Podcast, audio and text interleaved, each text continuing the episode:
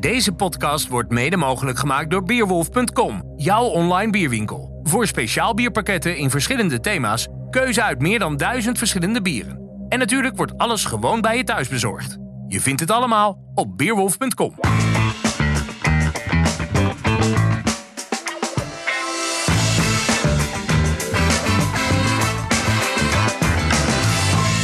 Beste bierliefhebbers, welkom bij Bierradio Brewpot, de podcast talkshow van bierradio.nl. Dit is een maandelijkse podcast, steeds vanuit een andere brouwerij in Nederland of België, met steeds twee hoofdgasten. De brouwer, brouwmeester van de betreffende brouwerij en een influencer, oftewel een blogger of vlogger. Mijn naam is Fedor Vogel, uitgever, hoofdredacteur van Biermagazine, Brouwmagazine en Bierradio.nl. Mijn sidekick en partner in crime is Ilko Weininga van Q Creative, mede-initiatiefnemer van Bierradio.nl. En uh, ja, we zijn vandaag te gast bij Brouwerij de Magistraat in Almkerk. Een schitterende nieuwe brouwerij. We gaan uh, de twee broers Verschoor, Hans Anton en Clement straks aan de tand voelen over deze prachtige nieuwe brouwerij. En uh, als influencer hebben we Frits Dunning van de bierschrijver.nl. Hem gaan we eens interviewen over zijn passie voor bier en zijn schrijfkunsten. Uh, ja, Bierradio duurt altijd een uurtje. Staat, bestaat ruwweg uit vier vaste onderdelen. We beginnen met het laatste biernieuws dat we bespreken met onze hoofdgasten. Daarna gaan we dus naar de brouwers van de magistraat. En vervolgens interviewen we Frits uh, Dunning, de influencer. We eindigen met het laatste rondje. Een aantal ludieke vragen aan beide gasten. En dan hebben we er weer een uh, prachtig uurtje op zitten. We beginnen met het laatste biernieuws. Bierradio.nl Biernieuws. Nou, om maar gelijk met de deur in huis te vallen. Frits, uh, Hans, Anton, wat is, uh, is, het belangrijkste biernieuws uh, voor jullie, zeg maar, van de laatste tijd? Zal ik hem inkopen? Noord en Heineken? Uiteraard. Ja. ja. Vertel, vertel, vertel. Ja, we weten nou, wat er aan de hand is ja, maar wat nou, is... Jij, hebt, jij hebt ze geïnterviewd. Jij hebt Peter volgens mij geïnterviewd. Klopt, dus ik ben ontzettend benieuwd wat er nou aan de hand is. Want dat persbericht, dat, daar kan ik geen gebak van maken. Nee, nee, nee. Dat laat wel heel veel vragen ja, open. Ja, toch? Dat is echt een soort van...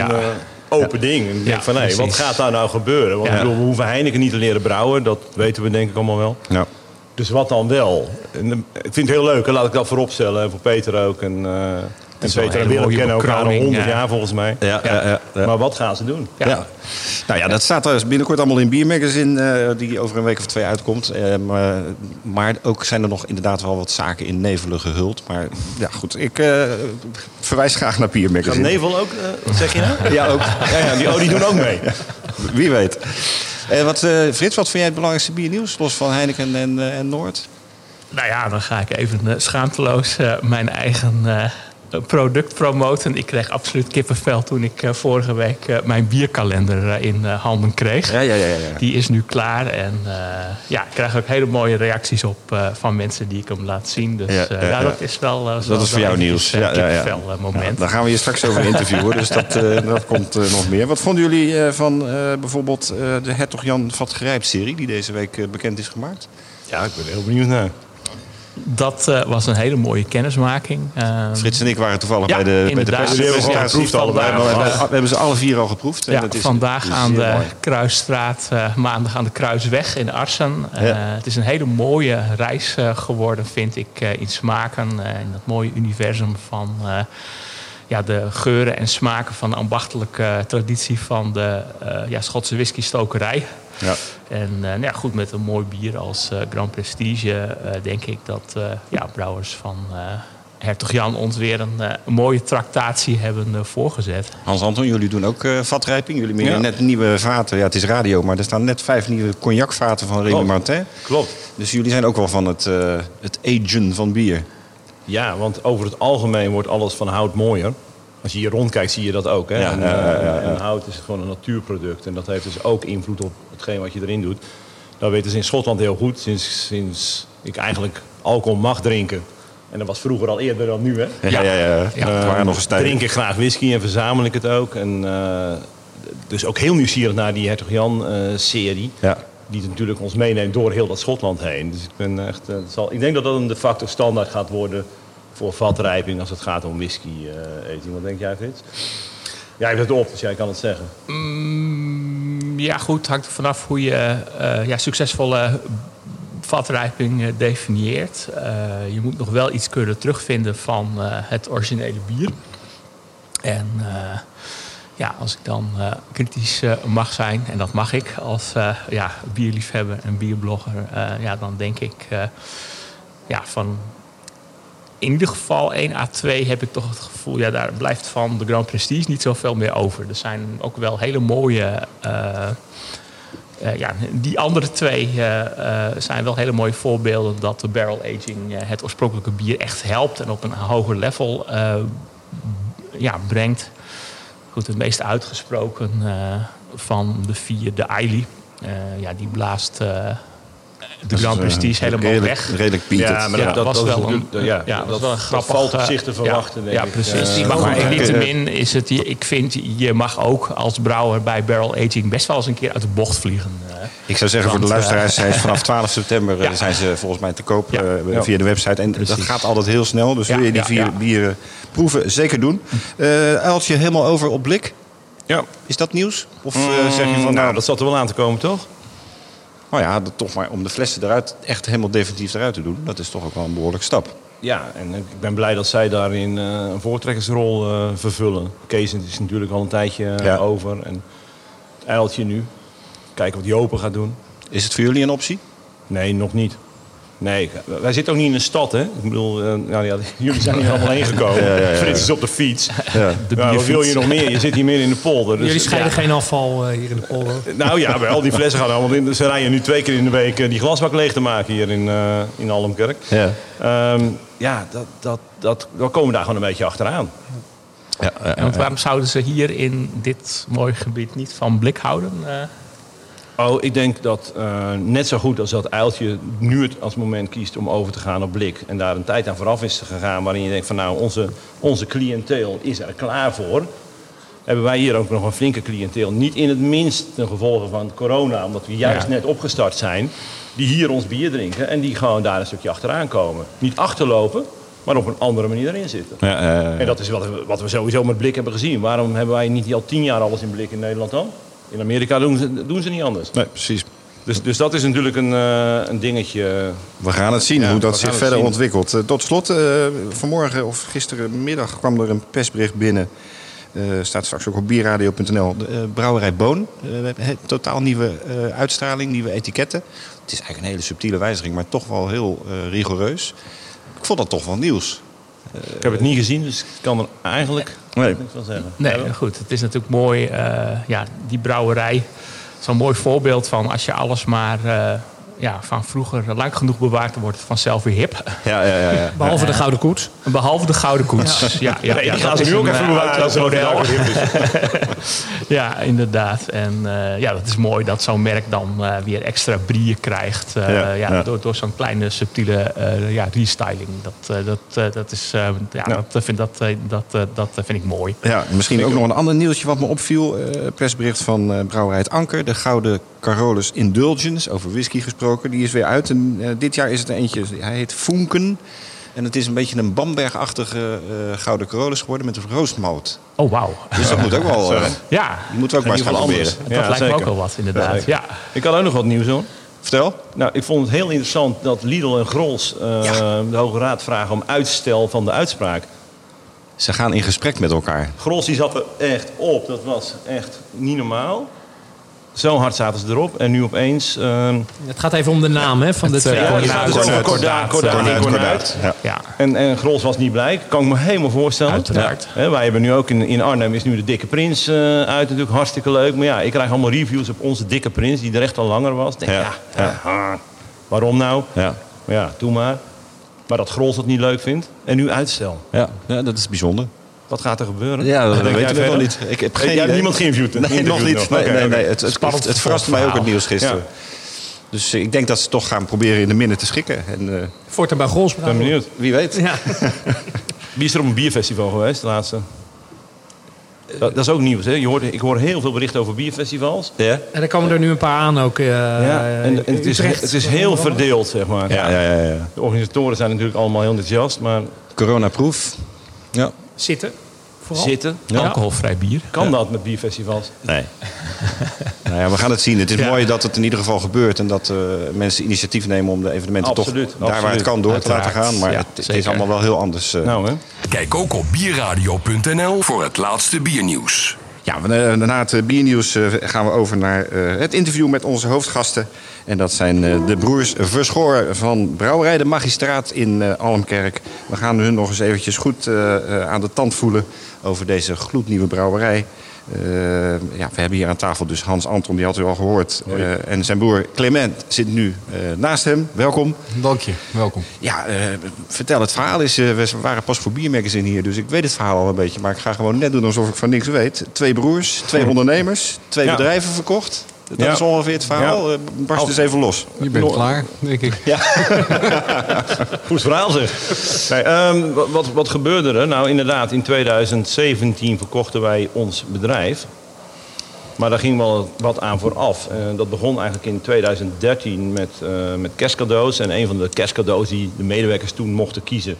was een eh thuisbrouwpakket.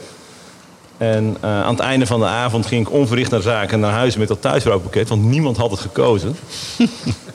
Dat- Dat speelde zich in december af, dat mag helder zijn, rond de kerstdagen. En eh, in januari had ik er een keer op drie mijn benen bijna over gebroken, want dat spul stond allemaal in de bijkeuken. Ik zeg tegen mijn vrouw, nou, dat kan twee dingen. Of het gaat eruit, Ja. of ik ga ermee aan de slag, dat gedaan. En dat bleek knap verslavend te zijn. En ik denk dat veel brouwers dat wel herkennen. Ja. Dus ja, gewoon bier gaan maken. Onvoorstelbaar veel bier gebrouwen. Nieuw brouwhuisje gebouwd, een koperen brouwhuis, alles erop en eraan. En zo die recepten gaan ontwikkelen. Toen Ja. al met het idee van, ja, maar dat kon wel eens wat gaan worden in de toekomst. Ja, ja, ja. ja, ja. Nou, en toen kwam dat moment er misschien wel eerder dan verwacht in 2017. Mijn broer had in 2014 eh, ook al een zaak verkocht en zat toen, is daarna bij ons erbij gekomen. In een internetbureau notabene. Heeft ook helemaal niets met... eh, Maar vertel even, Clement, maken. eh, om je broer even te interrumperen. Jij had in 2014 al je bedrijf verkocht. Wat voor bedrijf was dat? Wat, eh, Dat was een machinefabriek. Dus we maakten machines voor onderhoud van waterwegen, hydraulische machines, zelfrijdend. Gewoon echt Lego voor hele grote jongens. Ja, ja, ja, ja, Mooi ja. spul. En, en de, was je dat van plan te verkopen? Of kwam er ineens iemand langs die zei van... Goh, dat wil ik wel hebben? Nee, dat, dat was eigenlijk altijd wel de, wel De bedoeling, ja, ja, ja. Jong, jong mee begonnen, net als, net als, als Anton. Gewoon vroeg gaan ondernemen eigenlijk. Ja. En ehm, ja, wil je scherp blijven, moet je af en toe andere dingen doen. Ja, en dan ja, moet je ja. af en toe ook dingen doen waar je helemaal niets van begrijpt. Dus dat was het volgende. Dat internetbureau begreep ik echt niks van. Want jij had dus een internetbureau. ja, Vertel eens, want dat, je, je hebt ook in de grafische sector dingen Ja, gedaan. dat bureau heette en- Red Hot Minute. Ik, heb me eigenlijk, ik was daar creatief directeur en eh, altijd mee bezig gehouden eigenlijk wel met reclame, marketing. Ehm, in die drukkerij ook gewerkt. Ja. Eh, En jij was, ook op, jij was ook oprichter van dat bedrijf. Ik was, eh, nee, ik was geen oprichter. Ik was oprichter in 1998 van een bedrijf. En in 2001 hebben we dat verkocht. Oké. Mijn toenmalige compagnons gingen door met dit bedrijf. Maar twee jaar later ben ik daar weer bijgekomen. Ja, ja, ja. Twee ja, of drie jaar Ze later. konden niet zonder je. Eh, het- ik denk het. Ik denk het. Hij, hij Ze niet zonder. vol. Ik wilde Nee. niet zonder hun ook. Nee, nee, nee. Nee. Ja.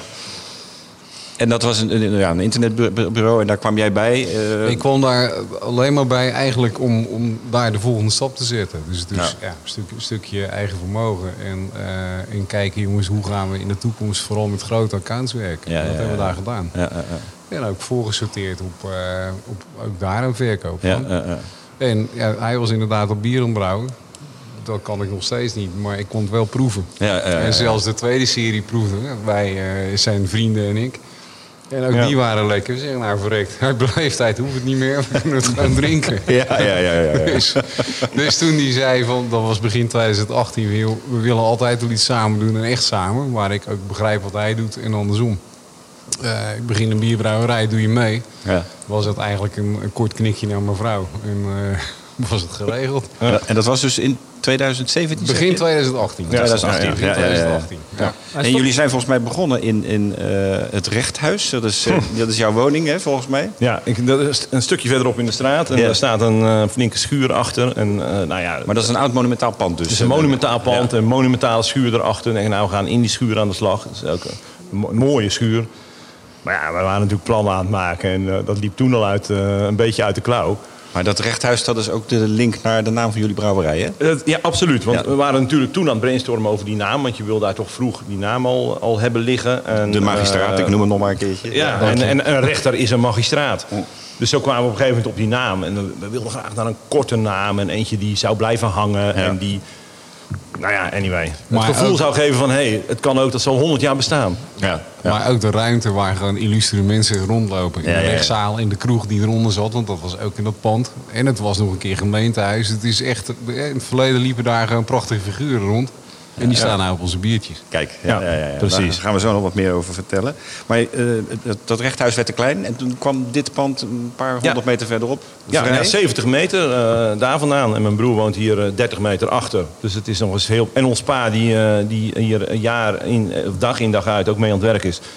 die eh, woont hier ook 40 meter verderop. Ja, dus het is een heel gezellig Ja. gebeuren. Ja. Dit pand kwam vrij inderdaad, eh Vedel. En, ehm, Oud postkantoor aan de voorkant, toch? Ja, het Ja. was woonhuis, postkantoor. Het was eh, voor de ruilverkaveling een boerderij. Toen werd het verkocht. Nou, dan, hè, dat, heel de crew van die ruilverkaveling was natuurlijk dat het daarna geen boerderij meer mocht zijn. Mhm. Nou, dat is ook nooit meer geweest. Maar wel als zodanig gebouwd. Dat konden we kopen en dat hebben we gedaan. En eh, toen zijn we in maart 2018, 19, 19. zijn we hier eh, gaan bouwen. En er was hier helemaal niets. Het was gewoon één open grote schuur. Dus we moesten, eh, ja, we moesten volle bak aan de slag. En dat begon gewoon met het plafond uittimmeren. Dat hebben we gewoon ook samen gedaan. Met hulp van lokale ondernemers. alles zelf gedaan, geloof Ja, ik. ja, hè? ja. Maar wel met veel hulp van lokale bedrijfjes en zo. En een aannemer. al- Allemaal hier zo dicht mogelijk bij. Ja. Ehm, en dan zijn we gewoon maar aan de slag gegaan. Lokale helden noemen we die. Ja, de Ja, ja, ja. lokale helden. Wat, wat moesten jullie allemaal doen om er een brouwerij van te maken? Nou, alles. Ja, nou, dan noemen ze wat. Eigenlijk wat je, wat je ziet is, is, is gedaan. Het was leeg, je keek tegen de dakpan aan. Het is radio, je kunt het niet zien, maar je kent zo'n schuur, hè? dakpannen van binnen. Dus dat hebben we geïsoleerd, hebben we geracheld, hout er tegen. Eh, er zat geen vloer in, dus een vloer erin gemaakt. Je moet je wanden erin maken. Eh, er moet voor de brouwerij natuurlijk... Nou, het vergistingshuis, normaal eh, doe je dat wel eens in een kelder wegstoppen. Ja. Maar wij hebben gemeend dat eh, op, een, op een verhoging te moeten zetten. Ja, als dat allemaal vol zit, dan staat er toch 35 ton daarboven. Ja. Ehm, ja, daar kun je niet zomaar even een beetje aan. daar, zit, daar zit een aardige constructie onder. Hoop die brouwers die hebben altijd met vloerbelasting te maken, maar jullie, hebben, jullie zetten het gewoon op een zolder. Ja, precies. Ja. Heb je ook, heb je ook vloerbelasting? Ja, Dat, Een hele eh, serieuze ook. Eh. hele serieuze, ja. Dus ja, er moest wel wat gebeuren. Ja. En hebben jullie het zelf eh, ontworpen? Of hebben jullie met een architect gewerkt? Want het ziet er fantastisch Nee, uit. we hebben het eigenlijk helemaal zelf ontworpen. Er is hier wel in het dorp een architect, Frank Ruiter, die doet erg veel monumentale panden. En daar hebben we gewoon een paar keer een biertje mee gedronken. En die heeft ons echt wel op ideeën gebracht en richtingen gegeven. Ja. Dus die eh, credits krijgt hij zeker ook. Super Of, idee. die laten we zeggen, ons geïnspireerd ook vooral. Om het te maken zoals het nu is. Maar voor de rest gewoon zelf gedaan. Het gaat om grote investeringen. Jullie gaan natuurlijk geen bedragen noemen. Maar eh, wat Nou, heeft het hij soms wel. Hij is van bier en ik mag, eh, ik mag Ja. de rest doen. Ja.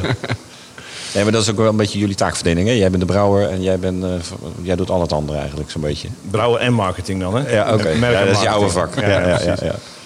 Ja. Nee, maar de- dat- de- qua investeringen, jullie zijn eh, eh, eh, met, met, met, met de- het brouwhuis in, in China uitgekomen volgens mij. En, Ja, nou we hebben qua, qua installatie voor het brouwen... Kijk, een pand, dat moet je hebben. En Of je het nou huurt of je, of je koopt het, dat, laten we dat er buiten laten. Maar Ja. qua investering voor het brouwhuis, vergisting, vullijn en dat soort zaken... Ik denk dat we Inkep wel heel scherp hebben gedaan. Maar ook omdat we, we hebben alles zelf opgebouwd. Hè, dus het is geen onderdelen gekomen. We hebben het zelf overeind gezet. Ja. Eh, alles wat ervoor benodigd is, zoals zo'n constructie die onder dat vergistingshuis staat, dat is allemaal regio. Allemaal connecties die we al jaren hebben. Ja, ja, ja, waar je terecht kunt, vrienden die, eh, die, die gewoon de constructieberekeningen kunnen doen. Kost je een doosje bier. En dat is wel het voordeel van zo'n hele kleine regio. Je kent heel veel mensen.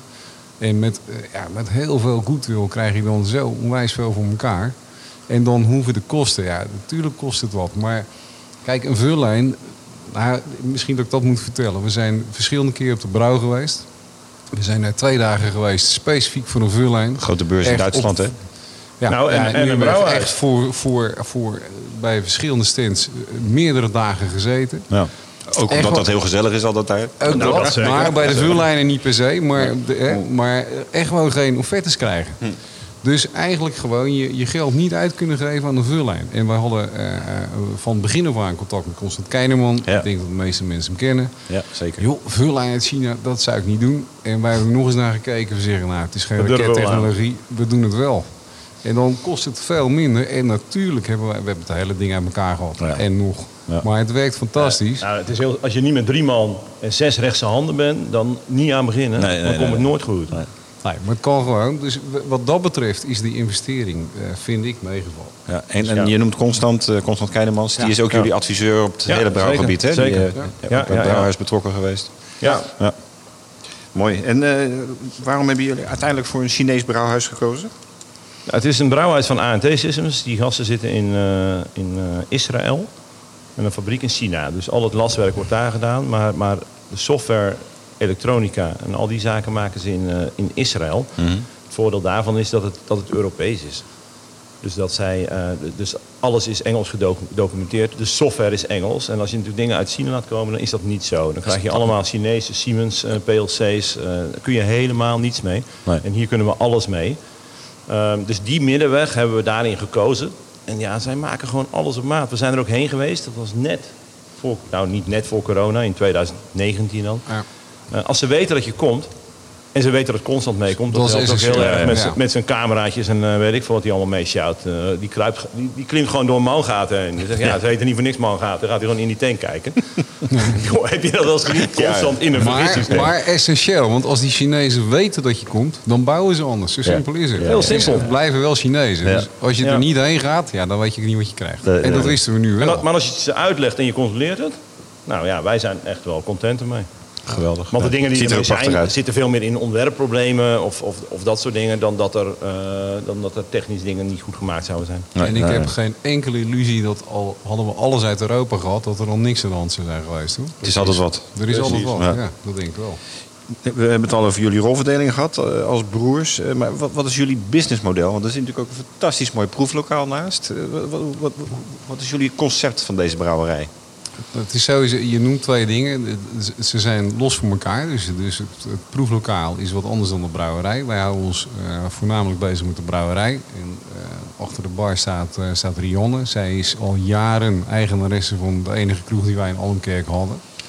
En zij runt hier het bierlokaal. Die hebben jullie gewoon weggekocht. Nou ja, weg. Weet soort je, wij, transfer in- Nou, het is, Ja. Wij kwamen al zo vaak in die kroeg dat ze eigenlijk moesten wel mee. Want anders zouden we elkaar gaan missen. Dus ik denk, ik denk dat dat het Jullie waren eigenlijk al een beetje eigenaar van die kroeg ook. Of? Wij waren geadopteerd door Rionne. Dus, dus weet je, het is voor zo'n dorp past het. En Almkerk heeft hier altijd een, een centrale functie gehad in de regio. Dus overal vandaan komen mensen uit het bierlokaal. Alleen, het is onlosmakelijk met elkaar verbonden. Want de sfeer die, die in de brouwerij heerst, die heerst ook in het bierlokaal. Ja, en dat is je visitekaartje. Ja. Maar eh, wat is het businessmodel? Met de brouwerij hebben we gezegd, jongens, we hadden uit, uit dat internetbureau hebben we best veel contacten. En, en ook contacten waar we nu bier aan leveren. En al heel snel hoor ik daarvan van ja, joh, als je gaat leveren als kraftbierbrouwerij is hartstikke leuk, maar ik heb campinggasten. En die willen niet eh, het begin van het seizoen een andere blond drinken dan het einde van het seizoen. Nee. Ik heb zo'n brouwerij in de, oh, eh, eh, om de hoek en ik krijg iedere keer ander bier. Oftewel, we hebben gezegd, we zetten eerst een core eens neer, puur voor eh, horeca. Ja. Echt gewoon met een vaste receptuur. Hè? En, ja, en retail Maar dat was uiteraard. vooral door corona natuurlijk. Ja. Maar met een vaste receptuur, zodat je eh, vanuit de voorraad die je moet hebben, want je ziet het nu eens te meer, hè, door corona, zelfs de grote brouwerijen die kunnen slecht leveren. Ja. Nou, dat, is, dat is killing. Als jij dan net je camping open hebt of je recreatiepark en je hebt vervolgens geen bier in je horeca, daar wordt niemand blij van. Nee, nee. Dus daar hebben we ons op gericht. Eh, die voorraad hebben we. We hebben zelfs ruimte bij moeten huren om dat te faciliteren.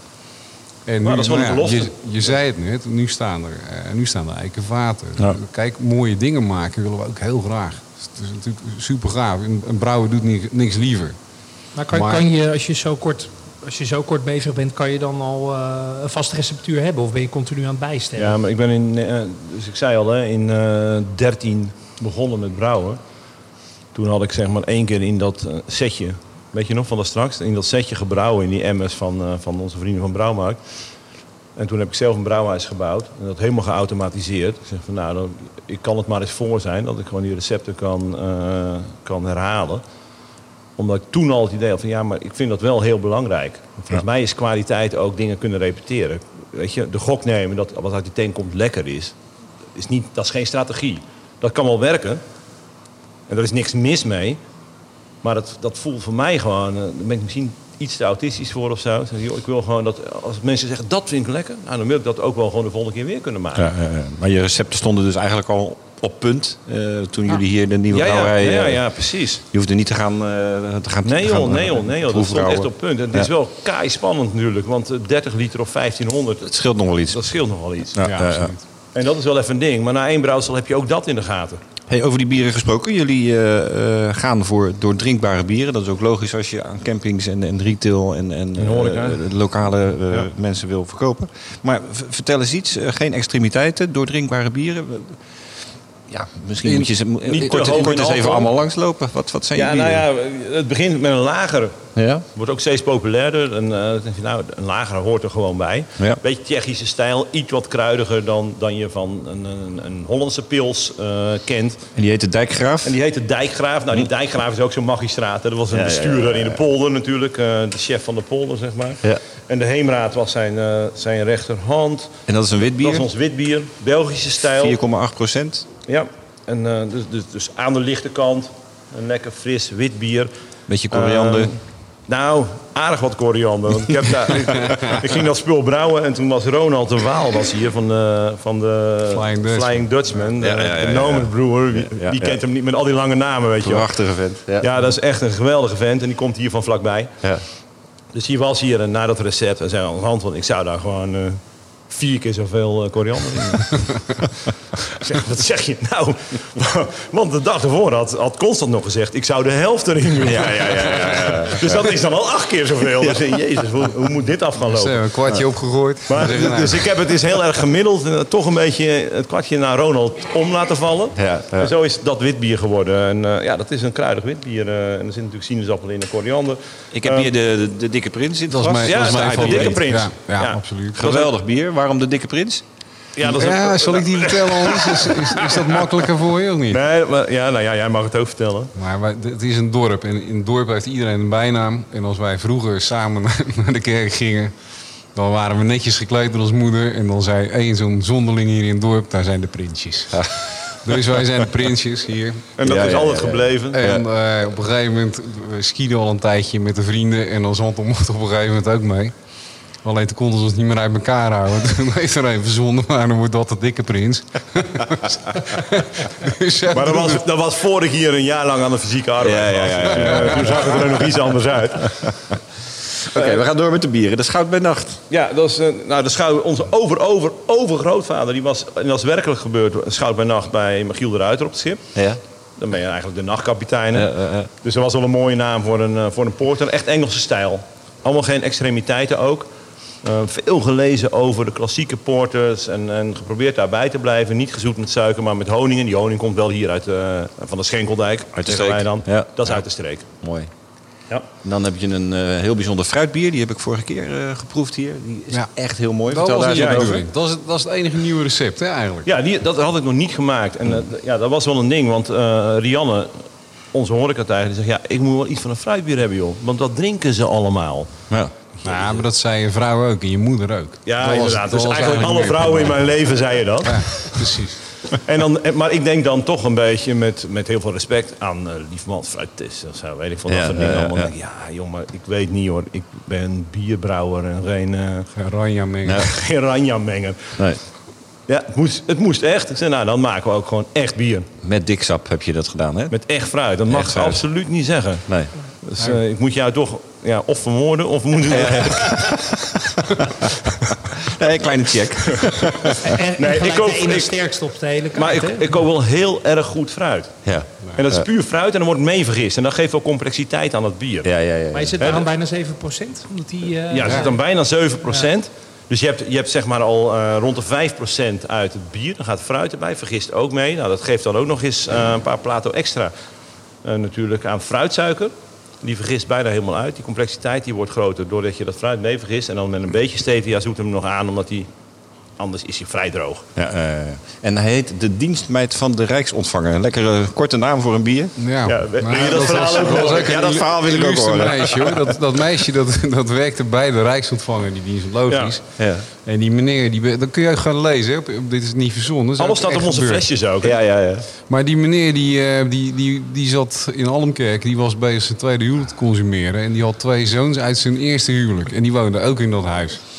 En, Die eh, dienstmeid kwam uit Sprang Capella. Daar komt mijn vrouw dan weer vandaan. Dus Ja, dat is ja, een ja, heel dat is fantastisch puur toeval. Puur maar, toeval. maar, maar dat meisje dat raakte zwanger. En het probleem was dat... Ze wisten niet van wie. Nou, die mannen die wisten niet van wie. Maar zij ook maar, niet. maar mijn kind ook niet. Zij ook niet. Maar wij hebben een sterk vermoeden dat die kleine van de dienstmeid ontzettend van fruit hield. Dus vandaar Ja, ja, dat we daar ja. de Nee, ik snap van hebben gemaakt. Ik snap het. Het is een heel logisch verhaal. Ja, Toch? ja. Dan hebben we een Weidsen, de waarsman. Ja, nou die Maasman die, eh, dat was eigenlijk de NSB'er. Die werkte voor de Heemraad en de Dijkgraaf. Die, ging, die controleerde het boel in de polderen. Dus die ging kijken van nou zijn dan alle eh, maatregelen die we begin van dit jaar afgesproken hebben... voordat de winter en de herfst komt wel uitgevoerd. Klopt het allemaal? En zo Ja. niet, dan verraadde hij je. Eigenlijk. En, en toen, toen de tijd hadden de waterschappen gewoon hun eigen rechtssysteem. Hè? Pas op, die, die hingen mensen op aan een dijk. Ja, dat is echt een serieuze boel hoor. Dus toen dachten we van nou, als je dan een Duitse stijl Weidse maakt, dan noemen we hem Moeten we een waarsman noemen. Ja, ja, ja. Prachtig verhaal. En dan eh, tot slot de trippel. Ja, Dus de scheepstimmer- Oh, nee, nee. Nee, nee, nee, geen niet tot slot. De dochter. Je bent de dochter van de Oh ja, maar die hangt voor mij achter de lamp. Ja, dat hadden we expres gedaan. Dus kijken of hij nog oplet. Kind uit zicht hangen. De dochter, vertel. Ja, dat was echt de allereerste naam van die hele serie. De dochter Ja. van de burgemeester. En eh, nou ja, we hadden hier een burgemeester en die had ook een dochter. Die kennen we dan ook nog. Losjes heeft het daar ook mee te maken.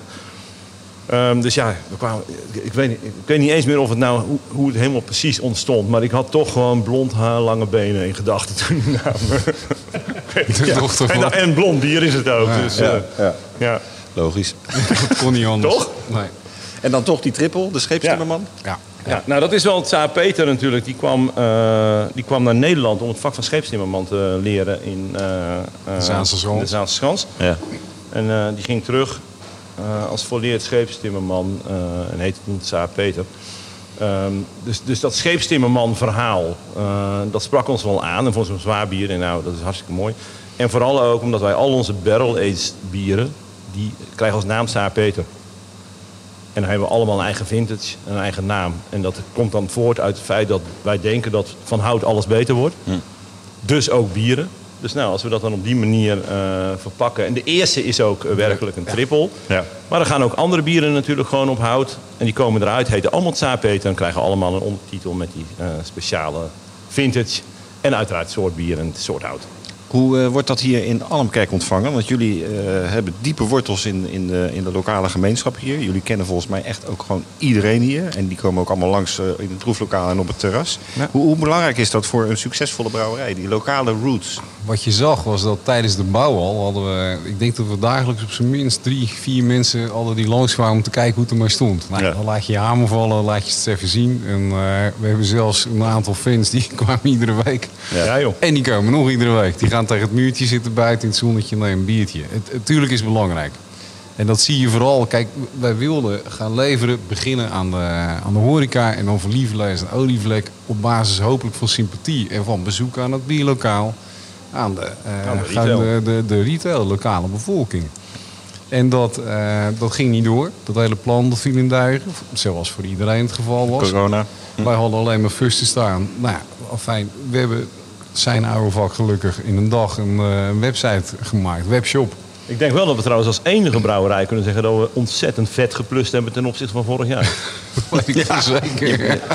Ja, want dat heb je helemaal niet, nog niet genoemd. Wanneer zijn jullie begonnen? Nog maar drie maanden geleden. hè? Maart 1 juni 2020. gingen we hier ook. Ja, Ja. En het eerste brouwsel was ergens eh, half januari. zoiets, ja. Ja. Maar, ga door goed, over de lokale wat je, wat je dus zag was dat, eh, dat lokaal, eh, iedereen had zoiets van dat is echt balen voor die gasten. We gaan dat bier kopen. Dus Ja. die kwamen het hier halen, die halen het in de, in de supermarkten. D- Dus we zijn als een malle gaan verkopen aan de, aan de consumentenmarkt. Dan heb ik een verrassing voor je, want wij komen natuurlijk wel vaker bij brouwerijen. Ja. En, eh, maar jullie bieren zijn ook gewoon erg goed. En dat doe, ik- zeg ik niet omdat ik nu hier zit, maar dat, is, dat, nou, dat, dat scheelt wel. Want je kan natuurlijk ook bier verkopen aan de lokalo's. En daarna Ja. denken ze van, nou dat vond ik eigenlijk helemaal niet lekker. Ik kom liever niet meer terug. Maar, maar Nou, dat- ik, ik vind het heel, weet je, wie hier ook zit, hè, het is een smaak. Dus je hebt twee dingen. Je hebt bier, bier is goed in de zin van goed gemaakt. En er zitten geen off-flavors aan of dingen die er niet in horen. Ja. En daarna wordt het een kwestie van smaak. En wie hier ook zeg maar, een, iets vindt van een bier van mij, dat vind ik allemaal heel erg belangrijk. Maar Ja. ik word nu een beetje emotioneel eigenlijk. Ik zie je daar. hier. Hoe kijken jullie aan eh, tegen de craft beer scene in Nederland? Wat, wat, eh, er is veel aan de hand. Ja, nou. De markt wordt steeds moeilijker. Er zijn bijna 800 brouwerijen op dit moment. I- Is er wel een Nee, er zijn oh, oh, oh, 800 brouwerijen, Velo? Ja, echt.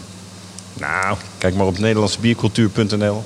Daar zie je de laatste stand van zaken. Maar brouwen is ook allemaal hoor.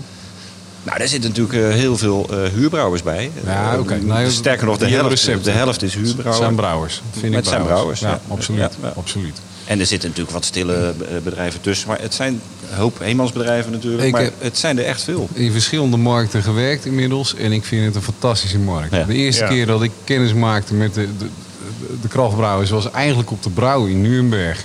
En dan heb je inderdaad aan het einde Daar van, eh, veel bier van de dag... dan sta je met al die gasten bij elkaar. En de een is nog, nog gezelliger en vriendelijker dan de ander. Dan heb je drie flessenlijnen gekocht. bij, ja, bij, Pieter, bij Pieter en Marloes op de stand, weet je wel. SBI, die kennen jullie natuurlijk ook. eh, dus dus onwijs leuk. En, en toen hadden we vervolgens komen met onze shipment komen we wat mee voor, eh voor Stadsbrouwerij 013 Ja. in, in Tilburg. Nou, Ja. Tegen die tijd dat hij eindelijk zover was, dat hij had echt problemen thuis met zijn, met zijn kleintje. En, en hij heeft- die komt dat spul hier halen, die heeft dozen bier mee. Ja. Onwijs leuk. En Ja. die hoef je maar te bellen en, en hij heeft tips en advies. En, en of ze komen langs. Het is zo'n... De collegialiteit en de samenhorigheid is heel groot in de Ja, Ja, absoluut. absoluut. Maar denken jullie dat het, dat het stand houdt, al Nee. die, die brouwerijen? Nee, dat houdt geen stand. Nee. Nee, want De goede blijven en- over. Ja, en dat. Nou, heel, nee, dat, daar gaan helaas hele goede afvallen. Want, want, Qua eh, bier. of jouw, ja, precies. Goed. en, of jou, ja, en of jouw bedrijf het volhoudt, dat, is- dat is van een andere orde. Ja. En ik heb de mazzel dat ik mijn broer hierbij heb. Want weet je, zonder hem kwam hier niks van terecht. En ik hoop dat het andersom ook geldt. Dan hadden we geen bier. Nee, maar, maar, maar dat is ongeveer wel even waar het over gaat. Ja, En dat is de uitdaging, denk ik, die het komend jaar wel gaat brengen. ja, ja. En dat eh, gaat heel jammer zijn. En ik ben bang dus dat er mooie bieren weg gaan vallen. En ik hoop dat daar mensen opstaan die zeggen... ja, maar wij gaan die gasten helpen. Brouwen is één, maar ondernemen is, Is ook belangrijk. twee. Hè? Dat Ja. is, ja. Precies. Tot slot, eh, waar staat de magistraat over tien jaar? En wat zijn jullie verdere ambities? Nou, misschien dat een van onze kinderen wel eh, zich hier ook bezighoudt met de brouwerij. Dat zou ik op zich heel leuk vinden. Hoe oud zijn jullie kinderen? Eh, de oudste 14, hè? De oudste is 14, Dan jongste zelf. mij. En bij mij is de jongste bijna 13, Hm. moet ik zeggen. Wij hebben de, 12 tien, zeggen. tien jaar vind ik een te lange horizon. Wij kijken Ja. meestal over vijf jaar. Dan hebben we gezegd van joh, over vijf jaar willen we gaan dat het merken staat. Ja. We willen een merk In neerzetten.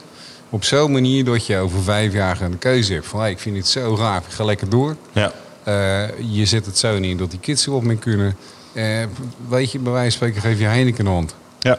Dat. Maar Moet je Peter Rauw even bellen, die weet je dat wel. dat, ik. Maar het- gewoon, je wil, je wil dat merk neerzetten en, Ja. eh, en die uitdaging aangaan. Ja, dat is, dat is het, echt het allerleukste van, eh, van wat we nu aan het doen zijn.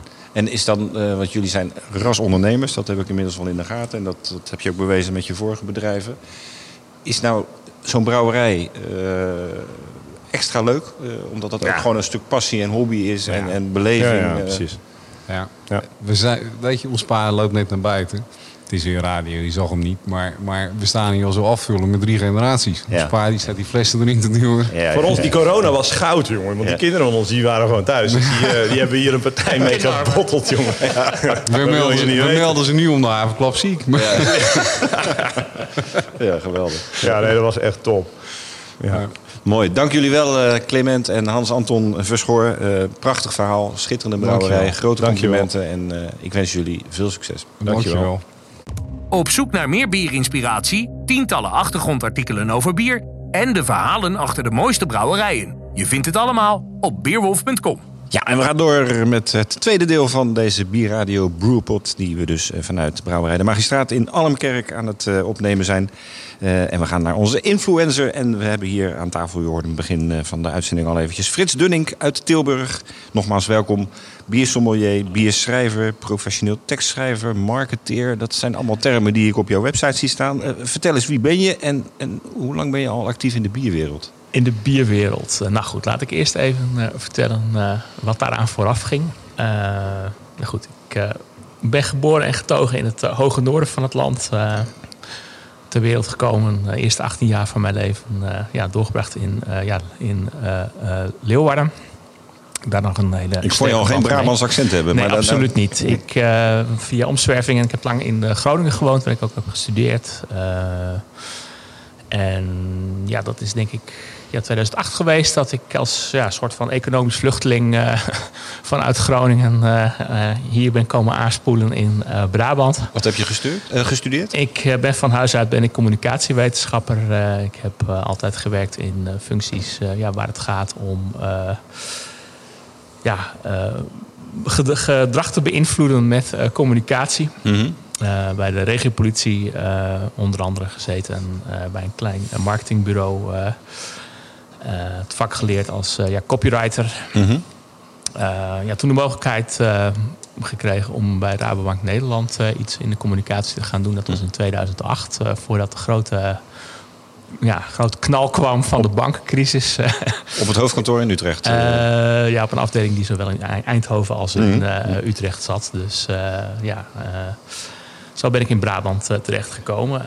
Steeds dichter bij het bier. Mm. Ah, heel Nederland heeft een lekker bier. ja, precies. Nederland is natuurlijk uh, vanuit ja, in, zijn, in het diepste van zijn vezels een bierland. Ja. En ja, goed, in Friesland had je bijvoorbeeld Dokkum, dat echt een geweldige reputatie had als bierstad. Ook al in de middeleeuwen, omdat er in ja, Dokkum een hele goede brouw, ja, een hele, een hele goede bron was voor brouwwater. Mm -hmm. In Leeuwarden heb je ook nog een heel mooi verhaal van het bieroproer.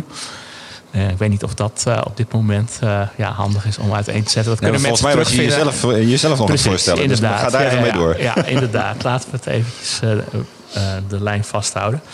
Um, nou goed, er kwam de bankencrisis. Vanuit dat moment kwam voor mij een beetje het idee van... ja, Frits, wanneer ga je nou eens dat doen waar je echt je hart van open gaat? Hm. Want, ja goed, Rabobank is een uitstekende werkgever, daar niet van. maar goed, ik was daar toch altijd een beetje een vreemde eend in de bijt. En ja, waar gaat mijn hart echt van open? Dat is van smaak. Mm -hmm. En ja, uh, toen kwam bij mij het idee van... Ja, zou het niet mooi zijn om te kijken of ik met mijn ja, kwaliteiten... Ja, te vangen in woorden, omzetten van mooie verhalen... iets kan doen met, met smaak. En goed, de eerste stap was ja, bij Onno Klein, de culinaire journalist auteur om daar een cursus uh, culinaire journalistiek te gaan doen. Mm -hmm. En uh, hij heeft mij eigenlijk op het spoor uh, gezet van het bier.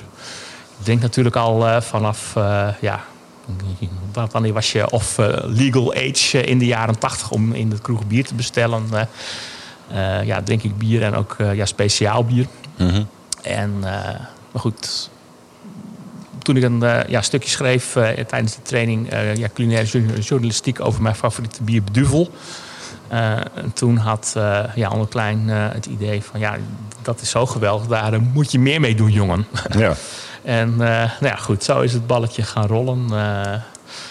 Uh, wat uh, ja, copywriting opdrachten gedaan voor de brouwerijen. maar eerste, als zelfstandige, je bent dan een ZZP'er of, of ben je dan echt? Ja, een beetje gemengd bedrijf zeg maar. Ik heb ja. er altijd ook wel ja, banen van ja, naast gehad in ja, loondienst. Je hebt ook bij de persgroep toch gewerkt, de DPG ehm, Media? De... Ja, ze hebben mij geadopteerd als bierspecialist zeg ja. maar. Dus als er bij ja, als de, als de, als de, als de Volkskrant of ja, trouw iets wil met branded content, uh, ja. dan uh, uh, schakelen ze mij inderdaad. En zo ben ik betrokken geraakt ook bij. dus Volkskrant, Volkskrant en Trouw doen branded content. Die laten zich betalen door, voor hun, Ehm, hun, hun, journalistiek. Ja, is dat nieuws? Voor mij wel. Ja. nou ja, goed. Ik dacht dat het een objectieve krant was. Ja, klopt. Maar goed, dan moet je het zien ja, als wat bijprojecten. Ja. Um, ja, afgelopen maandag had je in Arsen waarschijnlijk heb je daar dat, dat magazine uh, geduld gezien. Ja, ja. Uh, dat is ook een stuk branded content. Ja, dat begrijp ik. Ja, ja. En uh, ja, op die manier heeft Hertog Jan ja, voor Vat Gerijpt ook eerder... dat was dan afgelopen jaar voor de Genevers editie. Goed, dat zijn dan bijlagen, dat snap ik wel. Dat, ja, ja. Dus ja. Maar mooi, uh, waar komt jouw liefde voor bier vandaan? Want je, vandaan, want je noemt de Duvel. Uh, ja, dat vindt iedereen natuurlijk wel een lekker bier. Uh, maar, mm. Is dat voor jou, jou nog steeds jouw grote... Ja, dat is wel een... ik heb een aantal ja, thuiskombieren, zeg maar, die altijd goed zijn. Altijd goed bieren, waar je altijd weer zin in kan hebben. ja, Duvel, best malle triple, maar ook hele mooie... ja, Duitse degelijke lagerbieren uh, hm. ja, die we hier in Nederland allicht uh, ja, niet uh, speciaal genoeg vinden, omdat we heel erg groot zijn geworden. Met name ja, de bierdrinkers ja, uit de generatie, ja, van, van jou en mijn generatie, die met het Belgisch bier zijn groot geworden. ik zat daar eens over na te denken hoe dat nou met mij en bier zit. En toen realiseerde ik mij dat ik eigenlijk op een hele jonge leeftijd al het bewustzijn uh, heb meegekregen uh, vanuit mijn familie dat bier niet gelijk bier is. Mijn moeder en mijn tante die, zijn geboren in Duitsland. en ja, dan gingen we wel eens naar mijn overgrootmoeder in ja, Nuremberg. Dat is natuurlijk ja, bier, bier country per se. Hm. En uh, dan moest ik van mijn tante wel eens uh, bier halen in het zwembad. Dat is een knulletje van uh, 10, 12 zal het zijn geweest. En dan kreeg ik altijd een hele duidelijke boodschap mee. Waren de glazen leeg als je bij me aankwam? Nou, nee, niet? dat niet. nee, nee, nee. Dat, dat niet. Want ik vond ja, bier in, dat, in die tijd voornamelijk spannend en nog niet erg lekker, kan nee, ik je vertellen.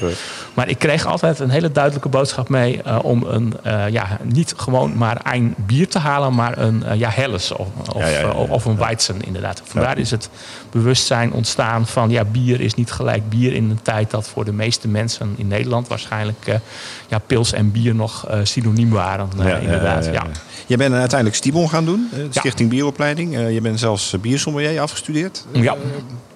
wat heeft je dat tot nu toe gebracht? Um, ja, heel veel hele ja, mooie contacten met toegewijde uh, ja, mensen uit de Nederlandse bierbubbel. En ook uh, ja, wel uh, uit de ja, buitenlandse in, in, in, in Duitsland en Oostenrijk ja, mooie contacten aangeknoopt. ja, toch um, ja, een gefundeerde kennis over het product bier. hoe bier wordt gemaakt. ja, ook, ook, ook ja, structureel, uh, ja, gestructureerd uh, bier proeven, zeg maar. Daar je weg in vinden. Uh, ja, wat proef ik, wat ruik ik. En waarom is dat? En wat vind ik daarvan? Een hele goede training om bewust ja, beter te genieten van bier. En dat ook over te brengen aan. Uh, precies, aan, aan anderen. Ja, en dat doe je via jouw, jouw, jouw blog of vlog. Ja. Uh, nee, het is een blog geloof ik. Ja, het is met name bierschrijver.nl. ja, en dat is ja, een fantastisch goede, mooie website, moet ik zeggen. Er zijn natuurlijk veel, veel bloggers en vloggers en de kwaliteit verschilt nogal. Ja, dat ben ik met je eens. Maar die van jou ziet er gewoon hartstikke goed uit. En, en ook inhoudelijk. Je, het lijkt wel of je biersommelier bent. Pot voor drie dubbeltjes. Ja, ja, ja, ja. maar wat is jouw, vertel eens iets over jouw, jouw site. En, uh, uh, wat is je filosofie? Van... Ja, heb ik een filosofie daarbij? Um, ik ben dol op mooie verhalen. En uh, ja, ik ben zo'n... ja, ik denk dat dat bierbubbel daar vol van is. Gooi er een kwartje in en je krijgt er voor een euro krijg je de verhalen uit. Ja ik vind het gewoon mooi om uh, ja, verhalen te delen. En uh, ja, dat doe ik uh, allicht niet op de meest laagdrempelige manier. maar ja, ik heb zoiets van, ja, met mensen die dat aanspreekt, hier is het, geniet ervan. Ja. Um, en, uh, Wordt de site goed bezocht? Mm, ja, dat is goed. Het, is, uh, het kan beter, maar uh, het is nog steeds work in progress. Ja, ja, zeg maar. hoe lang bestaat die? Hoe lang ben je? Um, ja, dit jaar is het, is het eerste lustrum. Ik ja, ben met bierschrijven begonnen in 2015. Mm -hmm ja, toen door allerlei uh, privé uh, toestanden ja, hing het ja, schrijven over bier er een beetje bij. En heb ik het niet echt veel aandacht gegeven. Maar sinds ja, toch echt een dikke jaar dat ik dan echt weer ja, full speed ermee bezig ben.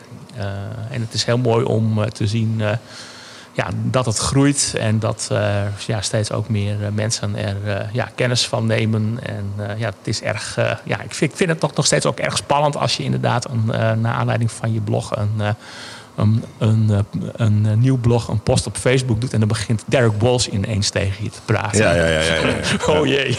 Ja. maar wel heel mooi uh, ja, dat hij uh, ja, kennelijk de moeite waard vindt om er iets van te zeggen. Dat voelt toch wel als een ridderslag, uh, nou, moet ik zeggen. Ja. prachtig.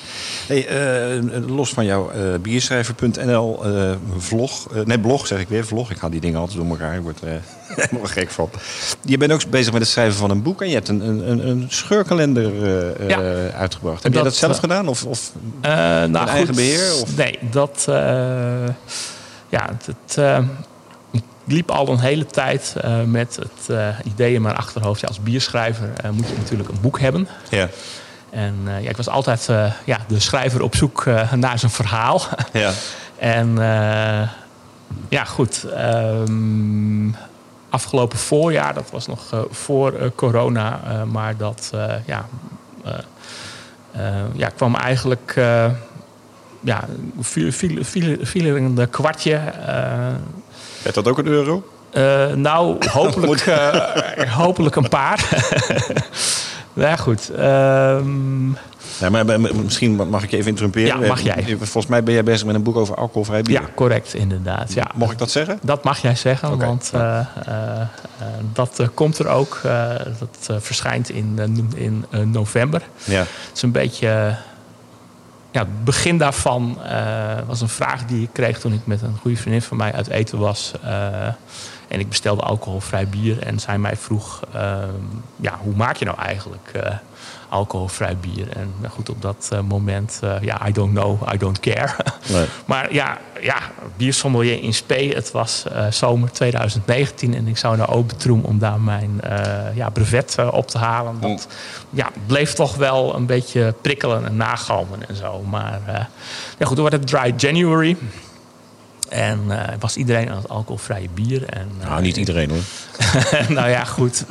Ik niet in ieder geval. Nee, precies. Nou goed, dat, dat doet er ook niet toe. Maar. Uh, nee, ga door, sorry. Nou goed, toen, toen, toen, toen kwam het idee van ja, kan, laat ik daar tot dan toch maar eens een ja, blog over schrijven. Over ja. alcoholvrij bier. Kwam die vraag weer terug: hoe maak je dat nou? En, maar Frits, hoe maak je dat nou? Ja. nou, dat zijn twee manieren. Drie drie. Nou, ik reduceer ze tot twee: de ja. biologische en de natuurkundige manier. Um, maar goed, dat voert misschien een beetje ver om dat hier nou helemaal uh, uit te spitten. Dat doen we na de uitzending. Ja, dan gaan we nog uh, even aan de bar. Goed, en dan, inderdaad, ja. Maar goed, toen uh, begon ik mij eens in die materie te verdiepen. Want ik stond nog op die lijn van... ja, alcoholvrij bier is ja, suf. En Dry January is ja, stom. Want ik ja, bepaal potverdorie zelf al wat ik drink. Maar ja, goed, toen mij toch maar eens verdiept in die materie. En toen kwam ik hele ja, spannende verhalen tegen. Uh, dat eigenlijk, uh, ja, als je brouwen definieert als sport om uit mout uh, smaak te halen. ja, dan is, als je niet met alcohol mag werken, dan is ja, het brouwen van alcoholvrij bier wel extreem sport eigenlijk. Ja. Dus uh, ja, goed. Denk je dat er, dat er een markt is voor een boek over alcoholvrij bier? Dat, dat uh, gaan we merken. Ja. ik nee, denk, er is natuurlijk wel, wat je zegt, er ja. is natuurlijk wel heel veel uh, om te doen. We kennen natuurlijk allemaal het Buckler-verhaal van Joep van het Hek. Ja. Nou was dat bier natuurlijk ook echt niet, niet, nee, niet dat te was drinken. de middeleeuwen van het alcoholvrij bier. Precies, dus, en als je nu ziet wat er op de markt komt... Ja, ik, ik proef het af en toe ook wel eens natuurlijk, maar het is echt Ja. sterk verbeterd. Dus er is Ja, dan een, ja, echt een ja. nieuwe markt aan ontstaan. En goed, daarnaast de heb je natuurlijk de eh, gezondheids Ja, eh, precies. eh, Mensen hebben nog steeds veel eh, meer redenen om Ja. voor eh, alcoholvrij bier te kiezen. Ja, dus het is misschien wel een heel goed moment om met dat boek te komen. Dat zou zomaar eens kunnen. Hm. Puntje, puntje, puntje. Is het een boek voor drinkers of voor makers? Eh, het is Beschrijf je gewoon alle alcoholvrije bieren die er op het moment zijn? Eh, ja, ja en ja. Fijn. Nee, goed. Het boek is opgebouwd eh, uit twee delen. Het eerste deel is het verhaal over alcoholvrij bier. Ik zoom in op de geschiedenis van alcoholvrij bier. Wat eh, ja, een bron is van eh, prachtige verhalen en anekdotes. Eh, meneer eh, Van het Hek heb ik nog eh, gepoogd eh, te betrekken bij het boek, maar dat kwam uiteindelijk niet van de grond. Maar die ja, had corona, geloof ik, hè? Dus die ja, precies, maar dat pas ziekenhuis, daarna. Eh, ja, over hoe je eh, alcoholvrij bier eh, maakt. Eh, Er zit ook een hoofdstuk in over eh, ja, eh, alcoholvrij bier, eh, ja, zeg maar alcohol eh, drinken en, en, en, en gezondheid. En hoe alcoholvrij bier daar dan eh, in past. Slim, mooi. Ja. En dat is het eerste deel. Het tweede deel is een gids. Eh, ik heb met een aantal eh, collega eh biersommeliers, met Jet van der Grient en George Kassing, hebben we ja, zo ongeveer alle bieren waar we afgelopen zomer de hand op hebben kunnen leggen. Het zijn er uiteindelijk 105 geworden die verkrijgbaar zijn in Nederland en België. Hebben we gewoon eens geproefd. En daar wat van gevonden. Eh, ja, het is een beetje de kleine Hamersma van het eh, alcoholvrij bier geworden. Of de grote Hamersma. Je, hebt geen kater gehad waarschijnlijk. Eh, nee, nee, nee, nee. nee. Nou, misschien Dus van dat, die bieren die hij daarna nog even heeft genomen. eh, Nee, en wat Ja. opvallend is, is eh, ja, ten eerste eh, de enorme variëteit die, die er is. Mhm. Eh, ja, in bieren eh, ja, we hebben tot aan het alcoholpercentage van een eh, half procent, zeg maar, wat in België ook nog eh, ja, mee kan als alcoholvrij bier. Dat is onze grens geweest. Ja. We hebben de radlers hebben we er eh, uitgenomen, want dat was ja, dat is echt limonade, zeg maar. ja. En, maar goed, in die range heb je echt een hele grote variëteit aan smaken. En ehm, Als ik jou nu op de man af en direct antwoord wil vragen... wat van die 105 bieren is voor jou de allerbeste? de allerbeste is eh, van de Noorse brouwerij uh, Nøgne Ø, eh, zwart-wit. Hoe? Leuk, leuk menu. Dat is, de, het, het is het eh, Noorse woord voor een naakt eiland. Oké, ik, ik voel hier toch een nieuwe ik sketch. dus. Ik voel een nieuwe sketch voor Joep van het Hek Ja, aankomen. precies. Ja, nou goed, hij gaat zijn gang. Maar ik heb ook niet bedacht eh, dat die brouwerij zo heet. Dus Ja. ook eh, Maar die was, die was erg lekker. Dat is een, eh, ja, het is een milkstout. Mhm. En die smaakt echt als eh, ja, koffie verkeerd. Eh, niet met eh, halfvolle koffiemelk, maar met scheuten volle room. Eh, een beetje kandijsuiker. Dat is echt zo'n hartstikke mooi bier. En Hm. je realiseert je helemaal niet dat je iets drinkt waar geen alcohol in zit. Nee, nee, nee. En we kwamen ook een seizoen tegen van een Deense brouwer die een beetje bret had. Waarvan we ook zoiets hadden van, mijn hemel, wat is dit? Hoe kun je in godsnaam een bretbier zonder alcohol maken? Ja, Maar ja. het zijn echt, echt, echt zulke mooie smaken. Het was geen oxidatie. Eh, hebben we nog even aan gedacht dat dit een, eh, ja, per eh, ongeluk eh, Ja. goed uitpakte inderdaad. We zijn in ieder geval zeer benieuwd naar het boek. Ja. Dus daar gaan we, Ja, het eh, mooi, blijven we volgen. dus dat, en ja, ja, gaan we zeker be- bekendheid aangeven als dit zover is. Tot, tot slot, jij bent als bierschrijver een influencer. En dat is een afschuwelijk woord, maar we houden het er lekker in. Wat voor invloed wil jij uitoefenen op, op, de, op de consument, op de bierconsument? Ehm, waar mij veel aan gelegen is, dat is ook een eh, ja, stuk wel overwogen eigenbelang, denk ik, voor eh, alle ondernemers die eh, dienst willen verlenen aan Nederlandse brouwers, dat het de Nederlandse brouwers goed gaat. En dat alle Nederlandse bierliefhebbers ook heel veel, eh, zoveel mogelijk Nederlands bier van Nederlandse kleine onafhankelijke brouwers moeten drinken. En dat is het ene. Het andere is, ja goed, je bepaalt zelf wat je drinkt. Ehm, ja, niet eh, gieten, maar genieten. Eh, ja, een beetje rustig aan met alcohol. eh, dat is geen betutteling, maar een kwestie van eh, ja, zelfbeschikking. En Ja, daar zit ja. uiteindelijk de grootste vrijheid in, inderdaad. Welke blogs en vlogs of biermedia volg je zelf graag? Ehm, ik vind eh Speciaal Biertjesblog heel eh, eh, charmant. En Amanda? Amanda Ja, Meijer. precies, inderdaad. En, Ook redacteur bij ons biermagazine, zijn dat we heel trots op. weet ik Ja. inderdaad. Ja. dat Maar zij schrijft heel leuk inderdaad. Ja, absoluut, absoluut. En ja, we zijn ook een beetje op hetzelfde moment gestart in het bier. Ik vind het heel mooi te zien hoe zij haar weg vindt. Ja. Eh, ja, en ik vind het ook heel mooi om te zien dat zij inderdaad ook gewoon doorgaat met bloggen. Want heel veel eh, ja, blogs die eh, zijn dan een paar jaar Sterven een stille dood. nou ja, goed, en dat snap ik ook wel. Hm. Als mensen inderdaad een radicale verandering in hun leven hebben. Als er ja, als ze verkering krijgen, kinderen over de vloer komen, weet ik veel wat er allemaal op hun pad komt. Ja, dan Hm. is bierbloggen eh, die, eh, ja, die, die, die, die discipline opbrengen om regelmatig eh, je volgers iets te brengen. Eh, Gaat dat voor jou nog eh, gebeuren? Verkering krijgen of kinderen over de vloer? Nou, kinderen over de vloer niet. nee, het is. ik, ja. ik, voor ik, voor ik. Bierschrijver.nl gaat nog wel even door. ja, precies. Ja, Ja, nee, ja, oké, ja. dat hij was heeft echt, weg naar boven gevonden en hij laat zich daar niet van afleiden. Kijk, heel goed. Frits Dunning, biersommelier, bierschrijver. Binnenkort zijn eh, eh, scheurkalender op de markt. Eh, zijn boek komt eraan. Ja, Kortom, man. eh, hou hem in de gaten. Dank voor je aanwezigheid. Tot genoegen. Ja, we zijn volgens mij het uur al ongeveer eh, gepasseerd. Maar we hebben nog even het laatste rondje. Dat is het bekende rondje met nog even wat... eh, Dus maken we er twee vol. maken we er twee vol. Net zo makkelijk, joh. We gaan gewoon door. Hans Anton, wat is het belangrijkste nieuws waar jullie nu mee bezig zijn als de magistraat? Mijn goede. Nou ja, dat wij ehm, over, ik denk drie weken, drie à vier weken ons eerste uh, barrel bier uit gaan brengen. Op fles. Op fles. Ja, ja dat is ook een ding, hè. Ja. En dat was echt een serieus. Ik ben, ik ben er echt over aan het nadenken geweest, eh, samen met Clement. We- nou, we hebben er echt ettelijke uren aan besteed. En wij hebben gedacht van nou, als we ons nu willen onderscheiden, moeten we het misschien wel in een fles doen. In een 33 centiliter fles ook. Ja, Ja, dus dat is echt even wat anders. Koolzuur, Beetje. dat soort dingen. Ja, Maar, eh, maar daar gaan wij aandurven. Want weet je, er is geen belleesbier wat zeg maar langer dan drie seconden eh, te koop staat. Eh, Ik heb die een paar weken geleden volgens mij mogen proeven. Dat is die triple die jullie op... ja, jij, maar jij hebt hem zonder koolzuur en op 22 maar- graden geproefd. Maar toen was hij al subliem, vond ik. Was, of subliem, hij was erg lekker. Zullen we hem daar ook even proeven uit? Want hij zit nu in het RVS. Ja, dus er zit koolzuur in. En hij is een stuk kouder. Dus dat kunnen we wel even doen. En, eh, Maar op wat voor is heeft hij mooi geworden. Hij heeft gerijpt op eh, portvaten. Op Tawny pot, portvaten. Hm. En die, eh, daar staat aardig wat port nog in. Dus dat is lekker meevergist. Ja. Althans, de suikers in die port natuurlijk. Die is goed meevergist. Dus je krijgt daar geen zoetheid van, maar wel een complexiteit die, die een, waarvan je zegt, hey, is dit nou port?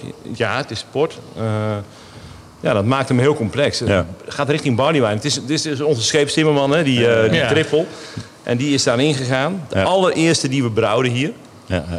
En eh, ja, de complexiteit is, eh, is heel mooi geworden. Maar die komt dus op fles, maar dat is een limited edition. Dat is dus een op is limited op. edition. En die gaan jullie gewoon hier... Nou, dat, eh, plekke wij zaten- verkopen, of, nee, wat- we waren vanochtend in vergadering. Maar ja, toen kwam jij binnenvallen. en, eh, dus wij, wij moeten straks die vergadering verder eh, voortzetten. Hoe gaan we dat bier nou... ja, dat gaan we natuurlijk hier in ons eigen lokaal verkopen. In de webshop, denk ik. In de webshop. Ehm, en verder moeten we gewoon even kijken. Het is niet zoveel. Het zijn 2700 flesjes of zo. Hm. Of 2500, ik weet niet precies. collectors items. Ja, ja, ja. Nou, we gaan Ja. dat volgen, want eh, daar zijn we natuurlijk zeer Het benieuwd is wel echt de eerste. Ze worden ook echt genummerd per fles. Mooi. Ehm, en we zullen het zien. Klinkt goed. Frits, wat vind jij de beste ontwikkeling op biergebied in Nederland op dit moment? Ehm, ja, dat. ehm, ondanks dat wij toch allemaal een beetje buikpijn hadden, zo ergens in maart, mensen in de bierbubbel, toen het corona-ding over ons kwam eh, neergedaald, wat voor ehm, gevolgen gaat dit hebben voor eh, ja, de onafhankelijke brouwers in Nederland, de bierscene. Ja, dat toch allemaal eh, blijkt mee te vallen. Afkloppen. Nog wel? Nog wel. Nou goed, er komt onherroepelijk waarschijnlijk een, eh, ja, toch wel een quality shake-out aan. Waarbij het erom gaat ja, dat brouwers eh, ja, ook Nee, ondernemers zijn. Nee, het wordt geen, ja, als je ondernemer als quality eh, Ja. Ja. benoemt, oké, dan Ja. wel. Ja, ja dat, eh, het is, het eh, ergste op ja, dat het is eh, heel belangrijk dat... eh, Op het moment ook dat de BTW betaald moet gaan worden. ja, mensen die uitstel hebben gekregen. Ja. Nou ja, die, die, Dat die- komt er ook nog aan, inderdaad. Maar het wordt inderdaad tijd dat eh, ja, brouwers, hoe verliefd ze zijn ook op hun ambacht, hun koppen uit de eh, brouwketels halen en kijken van ja, wat moeten we doen in de echte wereld eh, op ondernemersgebied, op het gebied van eh, ja, marketing, eh, ja, goed concept van eh, waar eh, ga ik mijn eh, boterhammen mee verdienen met mijn vloeibare brood. Ja. Hans-Anton, welke brouwer of brouwster verdient volgens jou meer aandacht in Nederland? Of is onderbelicht? Welke brouwer of brouwster? Ja, ik kom weer op bij Ronald eigenlijk. Ik vind Ronald echt gewoon, en die is in Nederland heel erg onderbelicht, want het heeft een tijdje in de schappen gestaan, die bieren van de Flying Dutchman, nu niet meer. Nou, staat bij Mitra staat dat nog Ja, eh, bij in de sommige, schappen. ja, dat klopt. Hij heeft ja. ook een heel mooi alcoholvrije kriek gebrouwen Ja, trouwens. en, ja, en een paar andere hele fijne zure bieren. Ja, weet je, en, eh, als je hem niet kent, dan denk je, nou, leuke bieren, leuke namen. Ja, als je hem ja. wel kent, dan denk je van, ja, god, er zit gewoon een ziel en zaligheid zit daarin. En hij, eh, eh, nou ja, hij rijdt rond in Finland. Hij is nu al een tijdje hier. eh, hij mag volgens mij nog niet terug naar Finland. Ik denk dat, eh, dat de grenzen nog dicht zijn. Oh jee, ja. Maar eh, nee, hij, Misschien een keer met hem samen brouwen hier? Of is Ja. dat... hebben we al afgesproken. Ja. Dus, dus de vraag is nu alleen nog van, ja, wat moet dat dan worden? En wie Ja. mag de naam verzinnen? Ja, nou, dat Ja. wordt een spannende Dat inderdaad. wordt een hele spannende, ja. Frits, wat is jouw favoriete bier-spijscombinatie? Mm, Niet te lang nadenken. Nou goed, dat is niet helemaal. eh, ja, nee, dat is meer van het voorjaar, maar ik gooi hem er toch in. eh wijn Stefaner Vitus met asperges met Hollandaise saus. Maar dat parkeren we even voor eh, dat er. eh, Klinkt lekker. ja, precies. Heel mooi. Hans-Anton, welke bieren drink je zelf het liefst? Dikke Prins. Ja, Drink bier is graag nou je vernoemd, het De. Schout bij Nacht. Ehm, en wat ik voor de rest... Ja, ik haal allerlei dingen uit de schappen. Ik mag met regelmaat wel eens een biertje van eh Sint Cris- Crispijn in eh, Waalwijk eh, drinken. Ehm, van de 013 eh, brouwerij in. Tilburg. Ook omdat ik graag met Huip contact heb als het gaat om brouwtechniek en alles wat daarmee komt kijken. En een keer een zunder. Mooi. Ja. Ja. Prachtig. En ik vind het ook heerlijk dat je gewoon lekker ongegeneerd ook je eigen bieren noemt. Ja, ja, god, en terecht, eh, nee, maar daar mag je, mag je gewoon trots op zijn. Dus dat is helemaal goed. Frits, moet de brouwerij... Dit is, deze vraag hebben we aangepast, want er stond altijd bier en vrouwen. Maar dat, eh, daar kreeg ik altijd zoveel kritiek op van dat kan niet meer. Ja, Eelco wil wat zeggen, maar zijn microfoon is kapot. Vandaar dat u denkt van...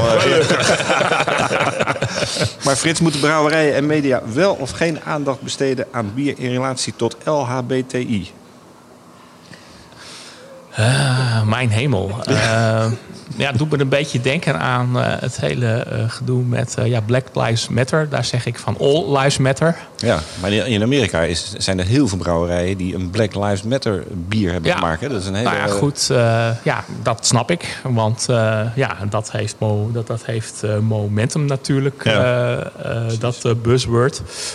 Ehm, ja, ik denk dat over algemeen eh, eh, ja, geen kwaad kan eh, om de diversiteit in het bierlandschap ja, zoveel mogelijk ja, te ja, stimuleren. Ja. Maar ja, goed, hoe je dat doet, of je mensen ja, van wat voor signatuur ook er aan de haren moet bijslepen. dat is dan ook weer zo'n ding. Dan krijgt het misschien zoiets gekunsteld. Maar Mm. ja, ik denk dat ja, de bierwereld zeker toe kan met eh, ja, meer eh, vrouwelijke wijsheid. En eh, ja, ook mensen, ja, hoe, hoe zeg je dat? Personen die een andere beleving hebben van hun identiteit. Ja. Die, ja, mo- die moeten zich ook gewoon vrij voelen om gewoon ook lekker te genieten van bier. eh, ja, hun bijdrage te leveren op wat voor front dan ook. Eh, Er zijn al wat regenboogbieren, geloof ik. Hè? Zo Ja. hier en daar, eh, dus er zijn al wat, wat Maar als, ja, als, ik dan terugbreng naar smaak, hè, dus niet zozeer over of het een regenboog Voor mij zijn er maar twee soorten mensen op de, op de wereld. En dat zijn mensen die gelukkig zijn en mensen die niet gelukkig zijn. En Dat vind ik een hele Zoveel mooie. mogelijk van de eerste soort. Ehm, helpt het dan als ik een bier ga ezen op ehm Chardonnay-vaten? Eh, Dat voelt heel erg als een vooroordeel, dat wil ik helemaal niet hebben. Hè? Maar, maar, maar ik zie dat wel. Ik zie wel gewoon heel veel wijn gedronken worden in die scene. Maar Ik heb in het verleden veel Zou- met zou Lodewijk, nou- eh, Lodewijk nou Swinkels, van eh, vroeger brouwmeester van La Trappe, eh, Ja? contact Ja. gehad. eh, met name over zijn, zijn, zijn houtrijping. En die vond zelf, eh, van alle experimenten die hij gedaan had... zijn eh, bieren op witte wijnvaten vond hij het meeste succes hebben. Dus. Ja, nou precies. En, en, en zo, en, maar, maar ga je dat dan terug... eh, Maar ik snap jouw vraag eh, in, in het kader van mijn vraag. Ja, Ja. Nee, maar dat, en, en dan Ja. ook heel serieus. Van, hey, zou je daar iets mee kunnen? gebeurt niet Ja. veel, hè? Ja. nee. Het, is allemaal, het komt uit Schotland of het komt uit Portugal. Ja. En, eh, Interessant. Dat is wel een heel leuk idee. Weet jij nog iemand waar we... Alleen hij heeft geen microfoon. Dus, eh, Oh, heeft geen zin. Sorry. De ene broer geeft de, de, de voorzet aan de andere broer, maar we horen hem toch niet. We zijn eh, aan het eind van deze uitzending. eh, op wie moeten we proosten met ons laatste glas bier? De gelukkige mensen. De gelukkige mensen, daar sluit ik mij van harte op aan. Wederzijds. Dit was eh, Bierradio eh, Broerpot. Wij zijn eh, uiteraard volgende maand weer. En eh, dank voor het luisteren. Dank Frits Dunning. En dank eh, gebroeders Verschoor voor eh, de gastvrijheid. En veel succes. Deze podcast werd mede mogelijk gemaakt door Beerwolf.com, jouw online bierwinkel. Drink jij je bier het liefst van de tap? Dan is er nu de Sub Thuistap met een wisselend aanbod bieren. Van Heineken tot Jopen Mooi NL. En natuurlijk wordt alles gewoon bij je thuis bezorgd. Je vindt het allemaal op Beerwolf.com.